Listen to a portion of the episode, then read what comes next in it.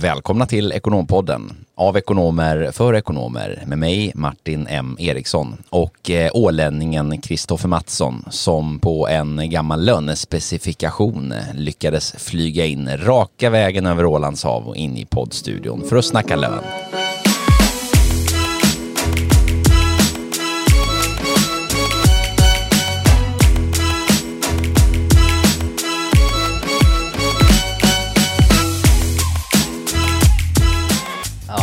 Äntligen måndag säger vi. För att det här är alltså måndagen dagen innan vi släpper det här avsnittet. Måndagen den 22 augusti. Jajamän, Så idag spelar vi in med eh, en dag före släpp. det stämmer. Det är vågat. Eh, Det är vågat. Eh, Men här sitter vi, trots att det är en sen eftermiddag, en måndag, så har vi extremt mycket energi och vi ser fram emot det här. Det är väldigt, väldigt intressant ämne. Ja, det håller jag med om. Vi har faktiskt sjukt mycket energi. Vi var och hade en riktigt bra lunch idag också och eh, pratade om eh, lite resonemang om livet i stort och eh, sommaren hur den har varit och vad vi ser fram emot att göra i höst och mycket om sånt här med hur vi vill liksom förändra och utveckla saker och ting och både oss själva liksom eh, våra, vår verksamhet med Talents of Sweden och Ekonompodden och allting och även hur allting hänger ihop. Vi ju, synergerar ju det vi gör, både på jobbet och privat. Onekligen och det där, på tal om både jobbet och privat, det är så intressant. Jag pratar med många om det under semestern. Att, eh, ja, men just det här, man, man borde ju vara den där jäveln som kommer med en t-shirt varje måndag, äntligen måndag. För det finns så många som våndas över det på söndagen när man ska återgå till, till jobbet. Och jag menar, man, är, man spenderar väldigt mycket tid på jobbet och gud förbjuder dem som inte trivs på sitt jobb. Och kan jag bara relatera tillbaka till när vi tidigare i podden pratade om, om den här stora uppsägningsvågen i USA, the great resignation, så, så hade vi, i samband med det så läste jag en gallup då, en global undersökning, eh, och då var det ungefär, alltså det försvinnande 13% som var engagerade och tyckte att, att jobbet var roligt och omkring 26-25% ja men i princip hatar sitt jobb. Ja, det är Och- ganska och- skrämmande siffror då när man hör det. Men det, det ska vi tillägga då, det är ju jorden, alltså worldwide. Ja, det är det. Och resterande delar, men de går till jobbet för att få för att få sin lön och det får man ju varje månad den 25 i Sverige och det är också ganska intressant hur den här dagen har blivit liksom en, en konsumtionsdag och helg. Det är ju inte alls eh, på samma sätt i Finland eller på Åland där Är det så? Är det skillnad alltså? där kan man ju få, det är väldigt vanligt att man har brutit den 15 eller den 30 eller den 25 Så att eh, det blir ju inte den här samma hetsen att alla ska spendera alla sina pengar den 25 Men, men det har ju då att göra med att man eh, får utbetalning vid olika tidpunkter snarare än att den enskilda individen inte har den mindsetet, tänker jag då. Ja exakt, men, men i och med att då mm, det finns liksom ingen majoritet som har det någon del Nej, dag exakt. så blir det ju utspridd konsumtion då. Precis. Och just det här att jag upplever, jag har upplevt under hela min uppväxt att många eh, av mina bekanta eh, som är liksom bördiga från Sverige tänkte jag säga, men uppväxta på svenska sidan så har ju alltid det här alltid lite mer knapert i slutet på månaden och jag och mina åländska vänner, ja men vi har inte upplevt det på samma sätt, men ja, vet inte om det är för att vi är extremt bra på att hushålla med våra resurser eller vad det beror på men, men eh, Någon förklaring finns säkert. det finns det. Ja, verkligen. Du, ehm, jag hörde att du hade fått eh, torka lite fågelskit också.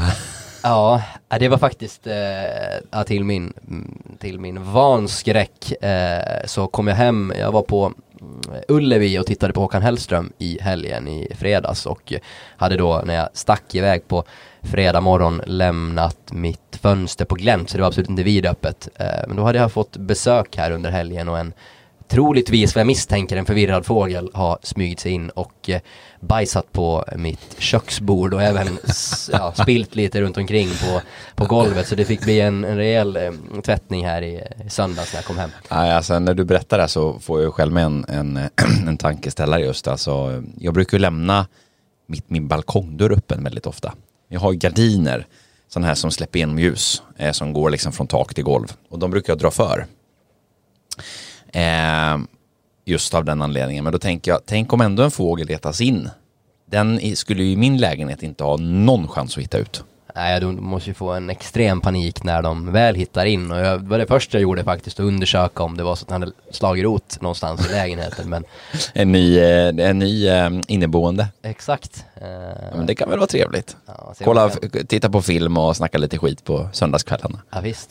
Sen måste jag dock, innan vi lämnar det här vad jag har gjort sen sist, så har jag faktiskt också varit på Coldplay sen sist. Eh, vi var ett gäng eh, till London och eh, besökte Wembley där då Coldplay efter eh, x antal år har eh, återuppstått, tänkte jag säga, men de kör en, en turné nu då efter att de har haft några års paus och det var helt, eh, helt fantastiskt. Det rekommenderar jag verkligen alla om man har möjlighet och eh, se dem så gör snälla det och faktiskt så sent som idag så fick jag information om att de kommer att uppträda på Ullevi nästa sommar 8 och 9 juli tror jag och biljetterna släpps på torsdag. Det här är jätteglada nyheter för mig, för min mamma älskar Coldplay. Hon är ju superstort fan. Då har Och du har inte sett dem live. presenten klar. Ja, så att det där eh, ska jag boka. Jag ska lägga in det i kalendern direkt på torsdag. Eh, jag tänkte faktiskt på det. Du sa ju också att de var, var i Latinamerika någonstans de hade en bokad eh, konsert Ja va? exakt, för den ivriga så tror jag det är Buenos Aires i Ja, november. Ja, och det känner jag det kanske är lite väl stort projekt att dra upp till Buenos Aires för att gå på Coldplay. Även om det hade varit säkert supertrevligt men det finns lite annat inplanerat redan i höst så att jag tror att det kan vara svårt att lösa för min egen del. Men eh, Ullevi nästa sommar, det, det är ju spikat såklart. Ja, men verkligen jättehäftigt. 80 000 personer på plats, alla fick armband eh, som de kunde styra då, eh, ljud Mm. och ljus, eller ljusmässigt från scenen och det var magiskt häftigt. Så. Då hoppas jag bara att min mamma inte lyssnar på det här avsnittet. För då vet hon eventuellt vad hon ska få i födelsedagspresent. Hon fyller ju år eh, 10 oktober. Men eh, jag tänker att eh, jag är inte så rädd. Just det här tror jag kanske inte eh, hon kommer att lyssna på. Nej. Vi får se. Idag ska vi ju faktiskt prata om lön. Mm. Eh, och löneområdet. Eh, och eh, ja men det är ju en, eh, ja, det är ju det är en av de största kostnadsposterna i de flesta bolag. Eh, Ja, tjänsteproducerande i alla fall. Eh, och det är ju extremt viktigt att det blir rätt. Det var ju ganska intressant, vi, när vi satt och körde lite uppsnack här du och jag så konstaterade vi ju det att det är ju ett ganska otacksamt jobb egentligen eh, om man tänker att det är ju ingen som kommer och berömmer en, en lön, alltså lö, kommer till löneavdelningen den, den 26 liksom, eller ja, på måndagen efter att det har varit löning så att shit Martin, vilket jävla jobb du gjorde med lönerna förra veckan. Men det är ju någonting som bara, det, det måste funka, det Ja. måste bli rätt och om du inte har fått den där utbetalningen då, då jäklar får man höra. Det stämmer. Det, det är ju lite, eh, lite intressant att det är så. Eh, det förväntas liksom funka. Eh, Utgångsläget är noll fel. Ja, och det är lite en, en, det är ganska ändå hög nivå att jobba mot, framförallt i bolag som har eh, hög förändringstakt och när man sitter i väldigt mycket förändringar. Så att ehm, det, det finns en, en utmaning för att nå dit. Vi tänkte att vi ska hoppa in lite på det här området idag och resonera lite om, om dels hela löneprocessen, alltså hur den fungerar, vad är det som sker egentligen under en, en, en cykel eh, i stora drag på ett övergripande plan och eh, resonera lite om olika typer av bolag och vad som skiljer det åt och även då om de olika rollerna och yrkeskategorierna eh, inom lön eh, som man kan jobba med och hur man kan specialisera sig och också hur man kan utveckla sig. Om man är en enskild löneekonom eller lönekonsult och vill eh, få en vidareutveckling i karriären, vilka vägar finns och hur kan jag resonera? Och lite trend och framtidsspaning eh, och sen lite tips och tricks till bolag också. Lön är ju relaterat till pengar så det är uppenbarligen viktigt för, för alla eh, och det är viktigt att det kommer i, i tid och, och allt vad det är. Men eh, har du lust att dra igenom löneprocessen och ja, vad, vad, vad, vad ingår det här? Vad ingår i det här yrket egentligen? Mm, eller yrkena Yrkena. kan vi väl säga. Ehm, Men en, området. en lönis, en lönis. Ja, vad en- jobbar en lönis med? Ja, precis. Vad kan man jobba med och vad, vad inkluderas ehm, i, i, eh, i lönområdet om man uttrycker det så? Då. Nej, men dels eh, har vi ju eh, allting som du precis beskriver. I slutändan ska det resultera i någon form av korrekt utbetalning och att man då har en, eh, att, att saker blir rätt och riktigt och i linje med ehm, eh, också lagar och regler. Du har, eh, först och främst har du löneberedningsrutinerna.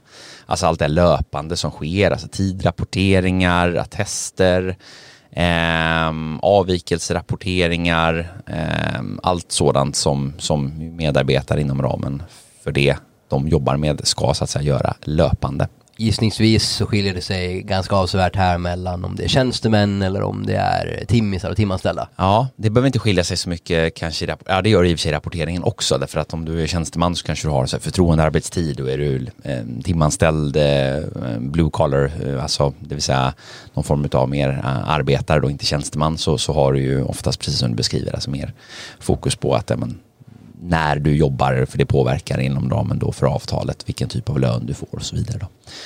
Ehm, I löneberedningsrutinerna så har du också till exempel rörliga löner. Det är ofta en eh, bolag som då har komplexa bonusmodeller eller eh, stora delar av rörliga incitament. Så, så hamnar ju det i någon form av beräkning och då ska du få in data för att kunna köra de här beräkningarna, få de här beräkningarna korrekta. Eh, så kompetens och kunskap inom då också anställningsformer och kollektivavtal. Och alla arbetsrättsliga lagrar, lagar eh, som, som direkt då får, får tillämpning i löneberedningen, till exempel då lagstiftning gällande vad händer om man är sjuk, eh, hur ska det gå till när jag är föräldraledig, eh, hur påverkar det min lön, eh, om jag vill vara ledig och ta semester, vad innebär det rent ekonomiskt och övriga andra typer av avvikelser. Vi hade väl ett exempel här eh, om dagen som vi blev upplysta om att en lönerevision också eh, re reaktivt påverkar din, din intjänade semester. Att den ja, men, skrivs upp till exempel. Exakt, det är ett exempel då, liksom, att det kan vara precis den typen av regler som ju slår på både resultatraden för bolag eh, men också då för den enskilda individen. Och, och viktigt att till exempel känna till. Då. Eh, sen har du ju en hela skattesidan av det här också vad gäller kring personalskatter. Vad för typ av löner och ersättningar utgör grund i för sociala avgifter till exempel. Reseräkningar, traktamenten är ett sådant område. Vad gäller och för att då bolag ska betala ut en viss typ av ersättning till en anställd, eh, kostnadsersättning till exempel, eh, är det en grund för att den är skattefri eller skattepliktig? Du, då, då är du ju inne på bolagets liksom, åtagande inom ramen för sin beskattningsskyldighet. Precis, eh. förmåner och eh, leasingbilar och... Ja, precis, till exempel. Det kommer ju alla sån förmånsrätt egentligen och det är också ett område då som inkluderas. Men får jag käka frukost eh, varje dag på kontoret utan att skattas, beskattas för det till exempel. Ja, precis. Det där är ju intressant. Eh, någonting som ju blir allt mer vanligare som ju även vi eh, sitter på idag. Den här eh, alla dessa coworking space som, som dyker upp idag som vi ju också tror att kommer bli en vanlig, en vardag för många. Ja. Eh, det blir ganska svårt, som gammal revisor också talar jag, så, så blir det kanske ganska svårt att identifiera liksom var, det är ju i allra högsta grad en förmån för medarbetare som får nyttja en, en frukost till ja. exempel på, på, på ett ställe där det ingår i hyran. Eh, och hur kommer det här att regleras i framtiden? Ja. För det är ju ganska nytt ännu. Eh, och det tror jag att man sitter och funderar på. Ja, men, nu. ja verkligen. Um, och, och till, till det här på uh, avtalssidan um, eller regelsidan har du också då till exempel eh, förståelse och tolkning då utav kollektivavtal. Så grundläggande sådan. Vad skiljer, eh, vad skiljer olika kollektivavtal åt och när tillämpar man vilket kollektivavtal och då att kunna förstå dem också, vad de innebär och hur det påverkar. Och en annan viktig, viktig del är ju även pension och eh, kanske om man till exempel vill Eh, många erbjuder ju, många arbetsgivare erbjuder ju möjligheten att löneväxla till exempel. Att man ja. kan avstå eh, lön idag för att kunna avsätta det till mm. pension mm. då. Och det blir kostnadsneutralt för bolaget och så får man möjlighet att, att pensionsspara eh, mm. direkt då. Mm. Så här har vi liksom skopet av innehållet någonstans rent eh, eh, ja, eh, vad, vad, vad en, en, löne, ett löne, en löneavdelning till exempel då, jobbar med. Och sen har du ju till exempel då sån här eh, Sprintsoft du gör en gång per år till exempel då löne, eh, alltså eh, lönerevision, eh, stöd för det och köra igenom dem och sådär, den typen av projekt och lönesättning, att du ska ha en, en korrekt lönesättning internt och hur, vad ska vi ha för löner på olika roller och så vidare. Så att det, det finns ju många, många områden till men det vi drog igenom nu är liksom någonstans kanske den grundläggande månadscykeln eh, i och vilka områden som ingår men rent praktiskt då, hur kapslar man in det här? För det är ju som jag var inne på, det är inte samma person som, i alla fall i alla fall, i alla fall i alla fall. Det är ju inte samma person som alltid gör eh, hela liksom processen och alla de här delarna. Det beror ju naturligtvis på hur stor organisationen är, hur många anställda har man. Vi var ju till exempel inne på det tidigare. eh, många, finns ju verksamheter som är extremt personalintensiva, har jättemycket anställda, eh, assistansbranschen till exempel och då är ju den här typen av frågor, det påverkas ju i allra högsta grad. Eh, det kan ju till och med rent ut sagt bli en affärskritisk funktion ja. att ha förståelsen. Men eh, eh, ja, hur, hur, hur liksom hur, hur kan man strukturera upp det här lite beroende på? Ja, nej men verkligen, vi, vi ska, det är en stor fråga så vi ska liksom grena ut den lite grann här. Men jag tänker jag kan bara ge headlinesen idag så kan vi hoppa in på beståndsdelarna lite senare här nu i avsnittet. Eh, och, och, i stort kan man säga, du har ju Eh, dels har du ju, de, om vi ska börja liksom med lite de här skärningsområdena som finns då mot en klassisk löneekonom, eh, så har du dels den tekniska sidan för att vi har ju ett systemstöd som utgör grund för det här till exempel löneprogram där du har en rent tekniskt stöd att de här kollektivavtalen och regelverken till exempel, de ligger inmatade i de här programmen. Så att det är inte som så att du behöver sitta och kunna och göra allt det manuellt utan du har ett system, tekniskt stöd som i grunden eh, stödjer beräkningar och så vidare. Så det är den ena, ena delen av det. Eh, sen har du mjuka HR-bitarna.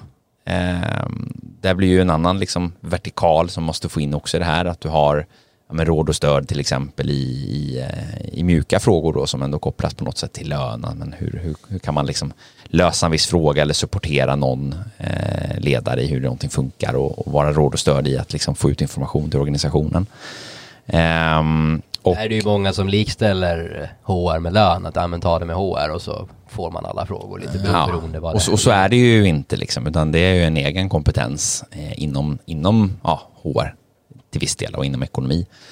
Så att det är ju lite, det är inte alltid givet hur man ska placera in eh, lönefunktionen i ett bolag om man då har den till exempel inhouse. Eh, vi ska komma in på det sen också men det kan ju vara så att som du beskriver här att i ett bolag eh, har man det eh, som en del av HR-funktionen men ett bolag har man det som en del av ekonomifunktionen där kanske exempel låter man det med en affärskritisk funktion eller vad det nu må vara så att det, det, det är inte alltid helt givet. Ja men som bekant så kan ju lön eh, och lönearbetet skilja sig avsevärt mellan bolag och, och bolag. Eh, vad är det som skiljer sig? Ja, det, det där är jättesant att det är så. Eh, att, att beroende på vad för typ av bolag du, du, eller vad för verksamhet som du har och vilken typ av löner du kör så kommer det ju få en väldig prägling på var utmaningen ligger någonstans. Eh, vi kan ta ett, ett, konkret exempel, ett bolag som, som är en kund till oss, ett stort eh, eh managementkonsultbolag. Eh, det är ett tjänstemannaproducerande eller tjänstemannalönebolag så att säga då, där det inte finns så mycket, det, det finns inte så mycket arbetsrättsligt man behöver ha koll, eller som, som liksom är fråga eh, uppe på bordet och hantera. Eh, det är en del kring förmåner, Eh, förutom de standardgrejerna. Och det är provisionsberäkningar det skulle komma till som är den stora grejen. Och tittar vi på den löneprocessen så är ju eh, beräkning av de, eh, alltså beräkning av de rörliga delarna, den utgör ungefär 70-80% av hela löneprocessen i tid. Och resten är att få in det i ett system och trycka ut lönerna, lite förenklat. Eh, och sen har du ju andra bolag där du har väldigt många till exempel olika kompetenser. Eh, det kan vara eh, att man har, lyder under flera olika kollektivavtal eh, för att man har väldigt spridda typer av, eh, då, eh, typer av, av verksamhet internt. Eh, och på så sätt får olika typer av löner, eh, olika typer av regelverk att hålla koll på, blandning mellan eh, arbetare och tjänstemän. Eh, sen finns det exempel på bolag som är under kraftig förändring Eh, där har du också eh, tillväxtbolag till exempel eller andra typer av eh, förändringsverksamheter där det händer mycket då som avviker från den normala cykeln så att säga, utan det är mycket förändring som sker som påverkar. Så att, så att utmaningarna kan ligga i väldigt, väldigt olika. Och sen har du projekt som kan utmana också då. Till exempel om du har bolag som genomgår stora systemförändringar till exempel eller liknande så får det en prägel eh, och påverkan också.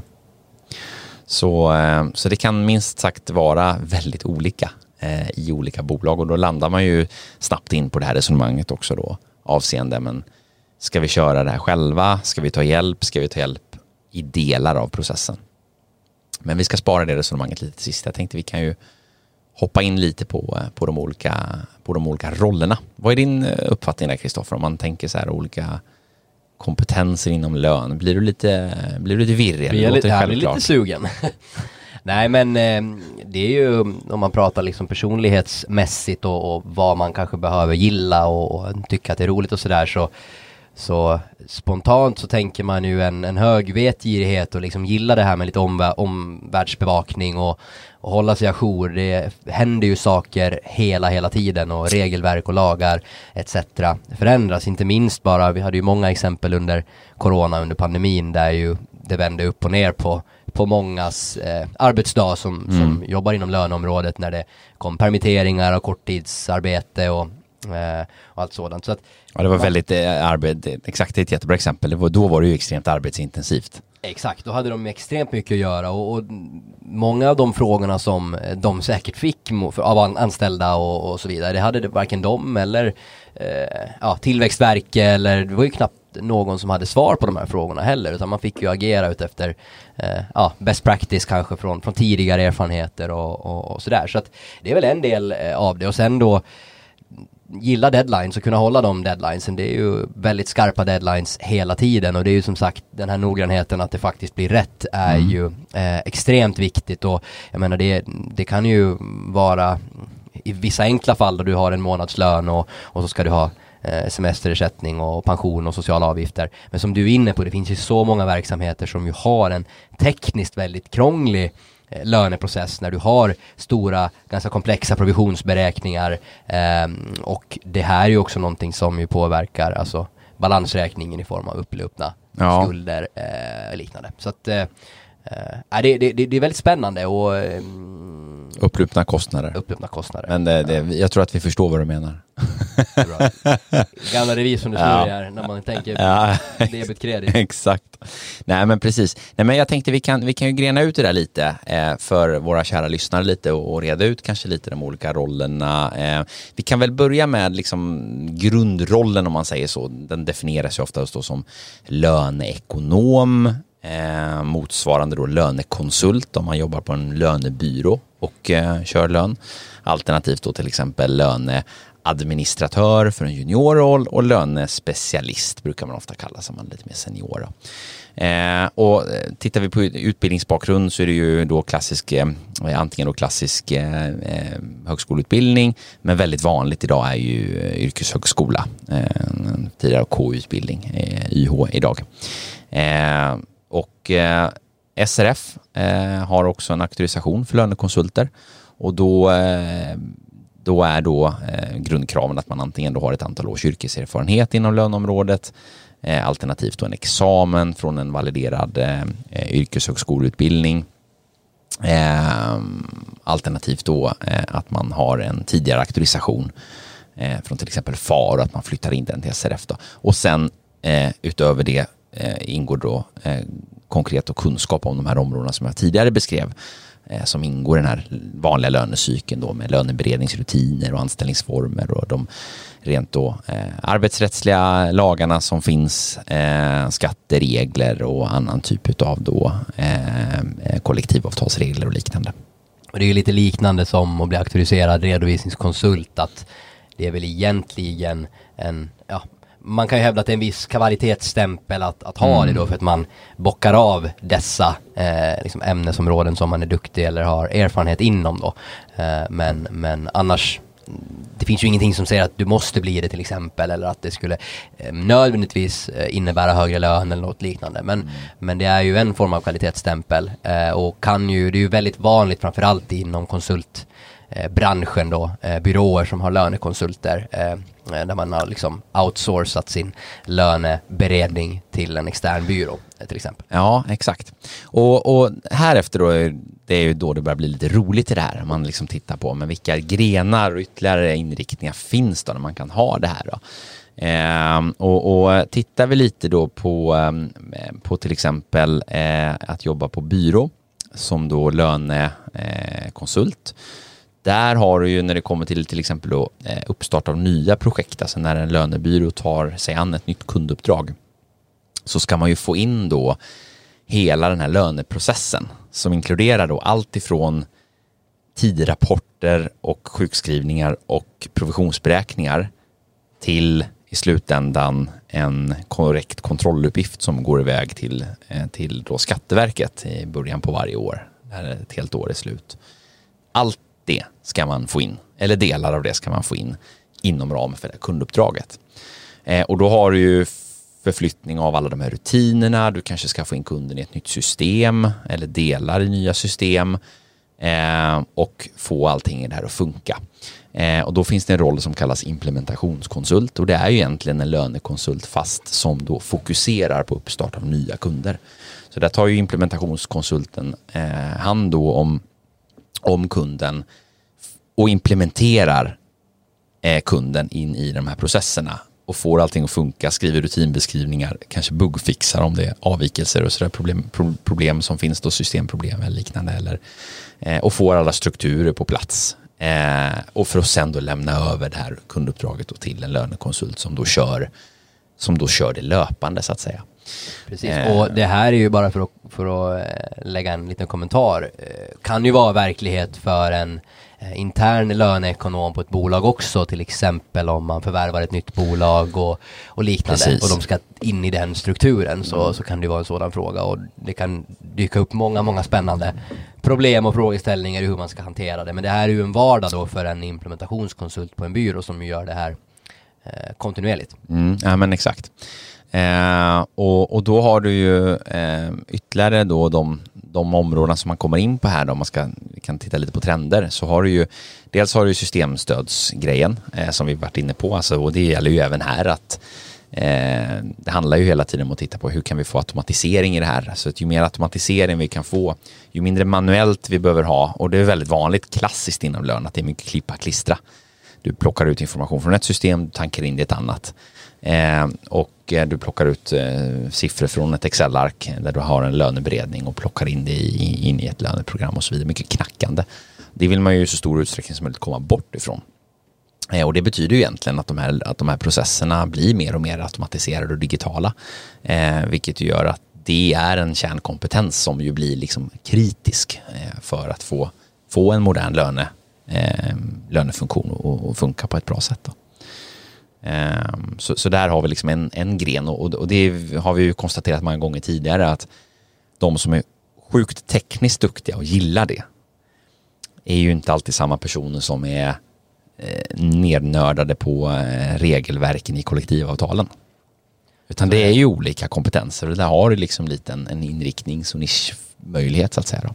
Verkligen, och det här händer ju extremt mycket och jag vet att ett av de här bekymren som jag har varit länge är ju en stor puck till exempel utläggsredovisning och då heter mm. det ju eh, det är väl enligt bokföringslagen så ska ju till exempel ett kvitto eller en handling ska ju förvaras i, i den original Eh, eller ja, i, i det, men om du får ett papperskvitto då är det så det ska bevaras. Men idag så är det ju väldigt vanligt att du får kvitton, ja men på ICA till exempel kan du få dina kvitton i Kivra och liknande ja. och då är det ju så du ska, eh, vad heter det? Förvara dem också. Förvara dem också. Och det är också någonting som gör alla dessa appar med utläggsredovisning och underlättar den typen av, för att, ja, allting går ju så mycket, mycket snabbare. Det går ju verkligen åt mm. ett och samma håll som vi ju eh, kommer att tjata om. Eh, Nej men exakt, Nej men verkligen.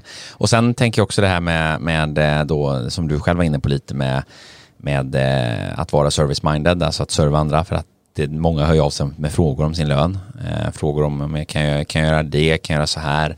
Hur påverkar det mig om jag ska ta den här förmånen eller eh, om jag ska vara ledig nästa eh, vinter? Hur många dagar har jag och vad innebär det då? Om jag kan spara dem och inte? Och det är mycket så här frågor så att vara att vara serviceman och gilla att serva andra eh, blir ju också en, en, en liksom viktig eh, kompetens att ha.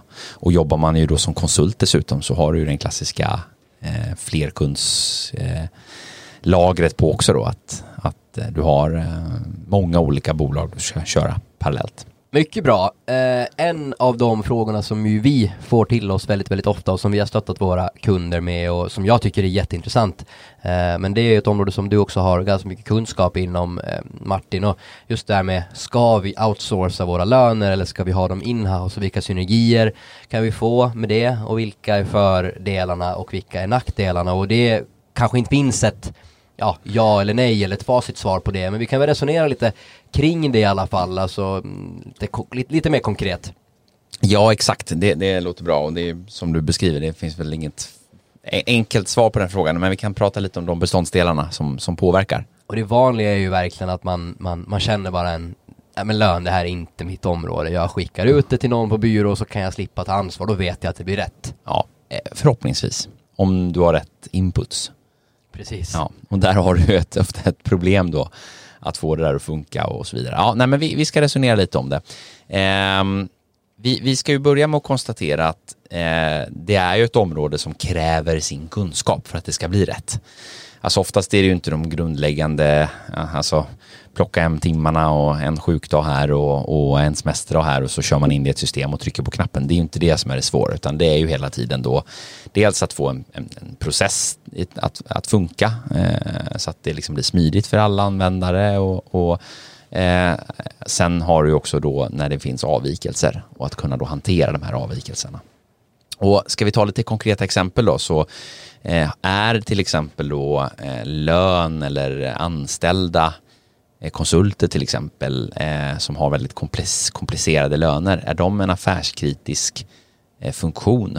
Eh, då, som det finns till exempel bolag inom alltså assistans och vårdbolag och sånt där till exempel som har eh, väldigt komplicerade löner på grund av att det är massa anställda eh, för varje enskilt uppdrag då utav liksom en, en brukare till exempel så, så kan det vara så pass eh, stora omfattningar frågor att men det lönar sig bättre att drifta och man har större enkelhet av att ha en sån här funktion hemma och köra den själv. Medan då om det är precis som du beskriver lite mer standardleveranser, det funkar lite lättare, det är inte lika mycket komplexitet i det. Och riskerna är lite mindre på så sätt med outsourca, men då kan det vara ganska skönt att outsourca det för att då, då får man också den expertkompetensen som krävs de gångerna när det väl behövs. Sen har vi ju de här eh, fallen när man kan dela den här processen i två. Alltså man har en del outsourcad och man har en del hemma. Och väldigt vanligt är ju till exempel att man har löneberedningen hemma. Men du outsourcar själva lönekörningen och regelverksdelarna då. Och det betyder ju i praktiken till exempel då bolag som har exempelvis då komplexa rörliga löner. Ja, men då kanske du äger den löneberäkningsprocessen internt hemma själv. Ehm, och sen så skickar du då underlag och låter lönebyrån köra resten. Precis, för den är ofta väldigt förankrad till budget, prognos. Till verksamheten. Till verksamheten väldigt ja. nära och då är ju ofta redovisningsavdelningen ganska nära ja. Eh, påkopplad och, och, det är för övrigt tror jag en väldigt, väldigt stark USP för för de som jobbar inom löneområdet att eh, ja, men, om man tycker att det är roligt med de här ja. frågorna då kan man skapa väldigt, väldigt mycket mer värde ja. för, för kollegorna och cheferna runt omkring i organisationen. Mm. Nej, verkligen. Och, och sen har du ytterligare sånt som påverkar då. Alltså det kan ju vara exempelvis hur mycket kompetens har du i övrigt i bolaget. Till exempel har du en extremt stark HR-funktion som kan mycket lagar och regler. Eh, så har du ju löst det. Och då har du ju råd att ha en lite mer junior lönekompetens. Som inte behöver vara helt självständig men som ändå klarar av att köra lönerna och, och, och fixa med allt det som ska fixas med för att få det att funka. Och sen har du då andra kollegor på till exempel HR-funktioner som kan stötta och supportera. Eh, sen blir det ju frågor om risker, alltså eh, det är ju som du var inne på i början av avsnittet ett område som är eh, affärskritiskt till den meningen att vi måste få ut lönerna och det måste bli rätt. Det funkar liksom inte att säga när man är sjuk eller på semester så att lönerna får vänta till nästa vecka utan de måste ut varje månad. Eh, och och eh, då får man ju fundera lite på vad man har för, för backup, eh, beredskap helt enkelt. Och, och finns det en, en, eh, en, en säkerhetslina som backar ifall någonting sker. Eh, det, det blir ju liksom en, en, en relevant fråga att, att lyfta och ha med, ha med sig då, hur, man, hur man gör det. Ja men en annan trend som vi ser är ju att eh, löneprocesserna, löneberedningsarbetet i egentligen alla avseenden blir mer decentraliserad och historiskt har varit ganska tung administration eh, och ja, vad är det egentligen som skapar värde i den, den här processen? Och nu går trenden mot att man decentraliserar det i, alla, eh, i allt högre utsträckning där alla de här kontrollerna, bekräftelserna, godkännanden inlämning av kvitton, tidrapporter etc. Man får ett smartare systemstöd vilket ju gör att man i många fall kan effektivisera eh, processerna och, eh, och, och, ägandefrågan blir på något vis, eh, det ställer lite högre krav på medarbetarna men ägandefrågan blir enklare och jag skulle också kunna inbilla mig att eh, det kanske blir något billigare att outsourca lönen eh, givet den här förändringen som ju går mot att det blir mer digitalt också. Eh, men eh, har du någon tanke kring det här? Ja, nej men jag tycker du, du sätter ett jäkligt bra resonemang om, om vad decentralisering innebär och det, det är ju precis som du, som du beskriver att, att, att du får en, en högre grad av eh, del i löne, det som påverkar lönerna som ligger i andra delar av organisationen. Eh, exempel då som du säger, liksom en, en tidrapporteringssystem eller förmånsportaler är ju ett annat bra exempel som ju finns där medarbetare kan få massa förmåner och allting direkt registreras och blir korrekt så att säga då med eh, eh, vad som gäller då eh, beskattning och vad är, vad är friskvård och vad är inte det och allt sånt här liksom går i det här systemet. Så att, så att på så sätt blir den enklare alltså administrativt lagt i och med att mer och mer blir då automatiserat inom ramen för de decentraliserade delarna. Men det ställer också då krav på att ändå få ihop helheten. Och det här gör ju också att risken ökar. Därför att om du tidigare alltid visste att okej, okay, men den här löneprocessen tar 100 timmar att köra och den körs manuellt. Då var det ganska säkert. Det tog 100 timmar. Men nu, idag har du slimmat till den på 15 timmar för att så mycket körs digitalt och sen så kraschar något av de här systemen eller någonting funkar inte, någon koppling går inte. Och då ska du ju sitta och köra det här manuellt. Så det som för, förut tog 15 timmar, det ska plötsligt göras på 100. Och vem har tid att göra det? Så att då, ju, då kommer lönen den 26 kan jag säga. Ja, nej men så är det. Så att, så att det där, det, det blir ju på så sätt en, en annan kompetens. Det blir Decentraliserat, ja, men det ställer också krav på ägande av processen och att du får helheten att hänga samman, alltså att du får de olika delarna att hänga samman i en, i en riskkontrollerad helhet.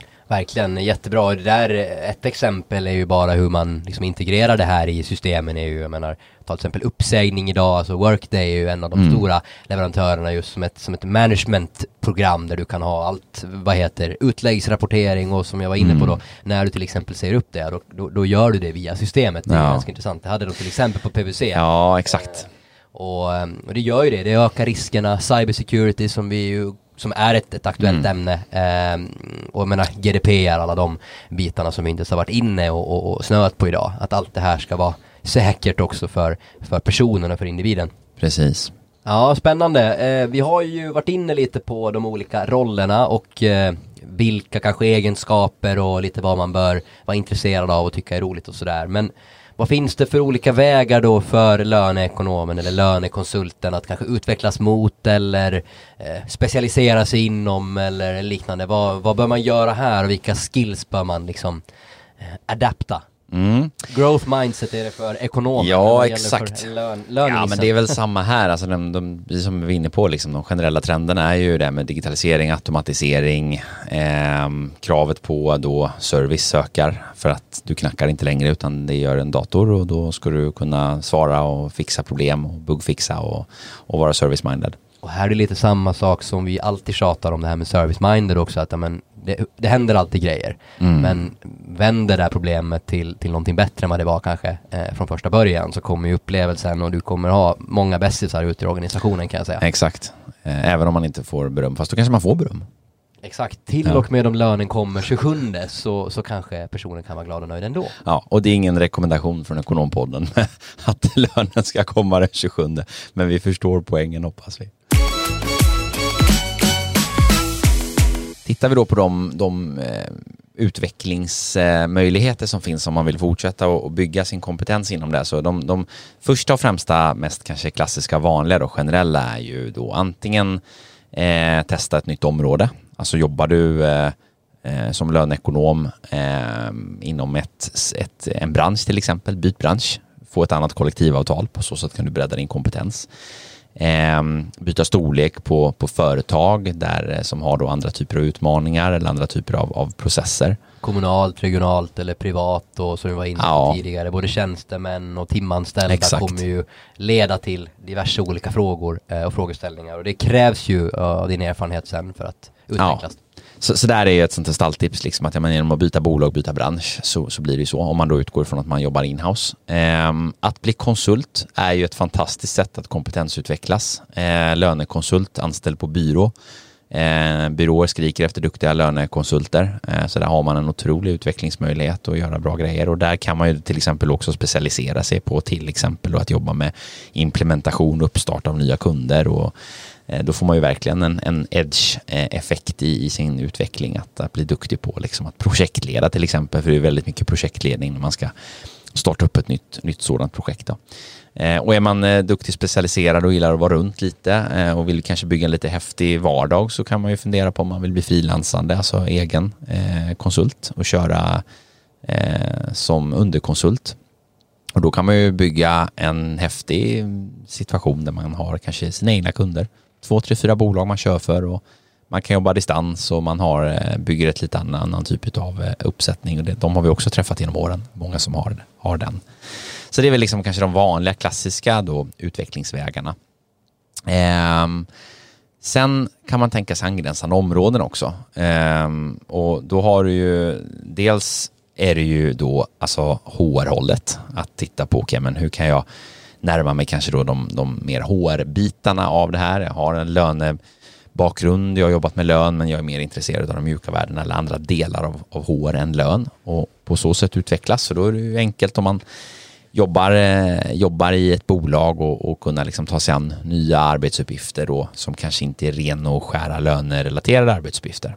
Det kan man ju också nämna eh, att det skiljer sig ju extremt och enormt mycket beroende på organisationer och i många fall lite mindre organisationer när man har lönen inhouse så är ju den här personen samma person. Det är mm. liksom någonstans HR man vänder sig till och det är ja. kanske samma person som bereder lönerna som besvarar alla frågor om dina förmåner och, och, och annat också. Så du kan ju få en väldigt, eh, väldigt omväxlande roll och, och, få jobba inom alla de här områdena beroende på vart du vänder dig. Ja, nej men exakt. Mm. Sen har vi då eh, andra hållet, om vi ska gå lite hårdare, eh, så har du systemsidan och där har du ju alla systemleverantörer av olika slag. Eh, alltså då har du ju dels alltifrån eh, leverantörer som, som tillhandahåller själva lönesystemen, eh, alltså Visma, Hoga eh, med flera. Eh, sen har du ju de alla försystem som finns till lön, tidrapporteringssystem, du har nischsystem, eh, till exempel inom bemanningsbranschen har du olika bemanningssystem eh, som, som ju då inkluderar mycket eh, av, av de här delarna som ändå är relevanta. Eh, och där man behöver ha representation av lön, för det kan ju vara lön inkluderat i vissa av de här, i vissa av de här systemen. HRM-system till exempel, alltså Human Resource Management, det var sånt, det var du var inne på tidigare här också Kristoffer. Workday. Ja, exakt, det finns ju flera olika leverantörer. Eh, och då närmar vi ju oss inte en klassisk lönekonsult eller löneekonomroll, men det krävs ju fortfarande en form av kompetens från det här området. Alltså, eh, vi pratar förmåner eller vi pratar, eh, eh vi pratar då eh, eh regelverk kring semester och annat som, som liksom krävs för att de här systemen ska kunna funka. Eh, och, och eh, då jobba med, med eh, många av de delarna. Så att det finns många spännande vägar att gå som liksom går utanför den klassiska löne, eh, lönerollen om man säger så. Onekligen. Nu lät det här ganska spännande. Ja, det är ju det. Och det är ju ett landskap som är under förändring, minst sagt, och kommer att fortsätta vara så under en tid framåt. Verkligen, och det är ju, det kan man ju, det är ju ingenting att sticka under stolen med. Det är ett ganska kvinnodominerat yrke eh, idag och det är väl egentligen ingen som, som vet varför det har blivit så. Det är väl bara liksom, nu ska vi inte propagera för någon eh, eh, sån här kvotering eh, liksom på något sätt. Men, men jag menar, eh, är du man och tycker att det här är intressant så kommer du ju per, per default ha eh, eventuellt en viss liten edge. ja, så, och så är det ju faktiskt om man ska titta på många bolag som eftersträvar liksom jämställdhet även på de här funktionerna och konsultbolagen framförallt så är det ju så att då har man en het, het situation. Så är det. Bra, men eh, med det sagt så kanske vi avrundar för, för nu. Lite mer generellt om, om löneområdet och vad man, vad och hur och på vilka olika sätt eh, man kan jobba och hur det kan påverka och inverka på, på rollen då inom löneområdet. Eh, och eh, det här kommer vi prata mer om eh, senare i podden, men då kanske ha någon intressant person på, på, på ämnet och temat. Eh, så för den här gången så tackar vi för oss och god lyssning. Och ha en eh, fortsatt härlig sommar och sensommar som snart kommer. Sannerligen, sommaren är inte slut eh, riktigt än utan passa på att njuta av de här soliga dagarna så hörs vi igen om två veckor. Passa på att njut ordentligt för snart kommer skidsäsong. Tack och hej. Hej!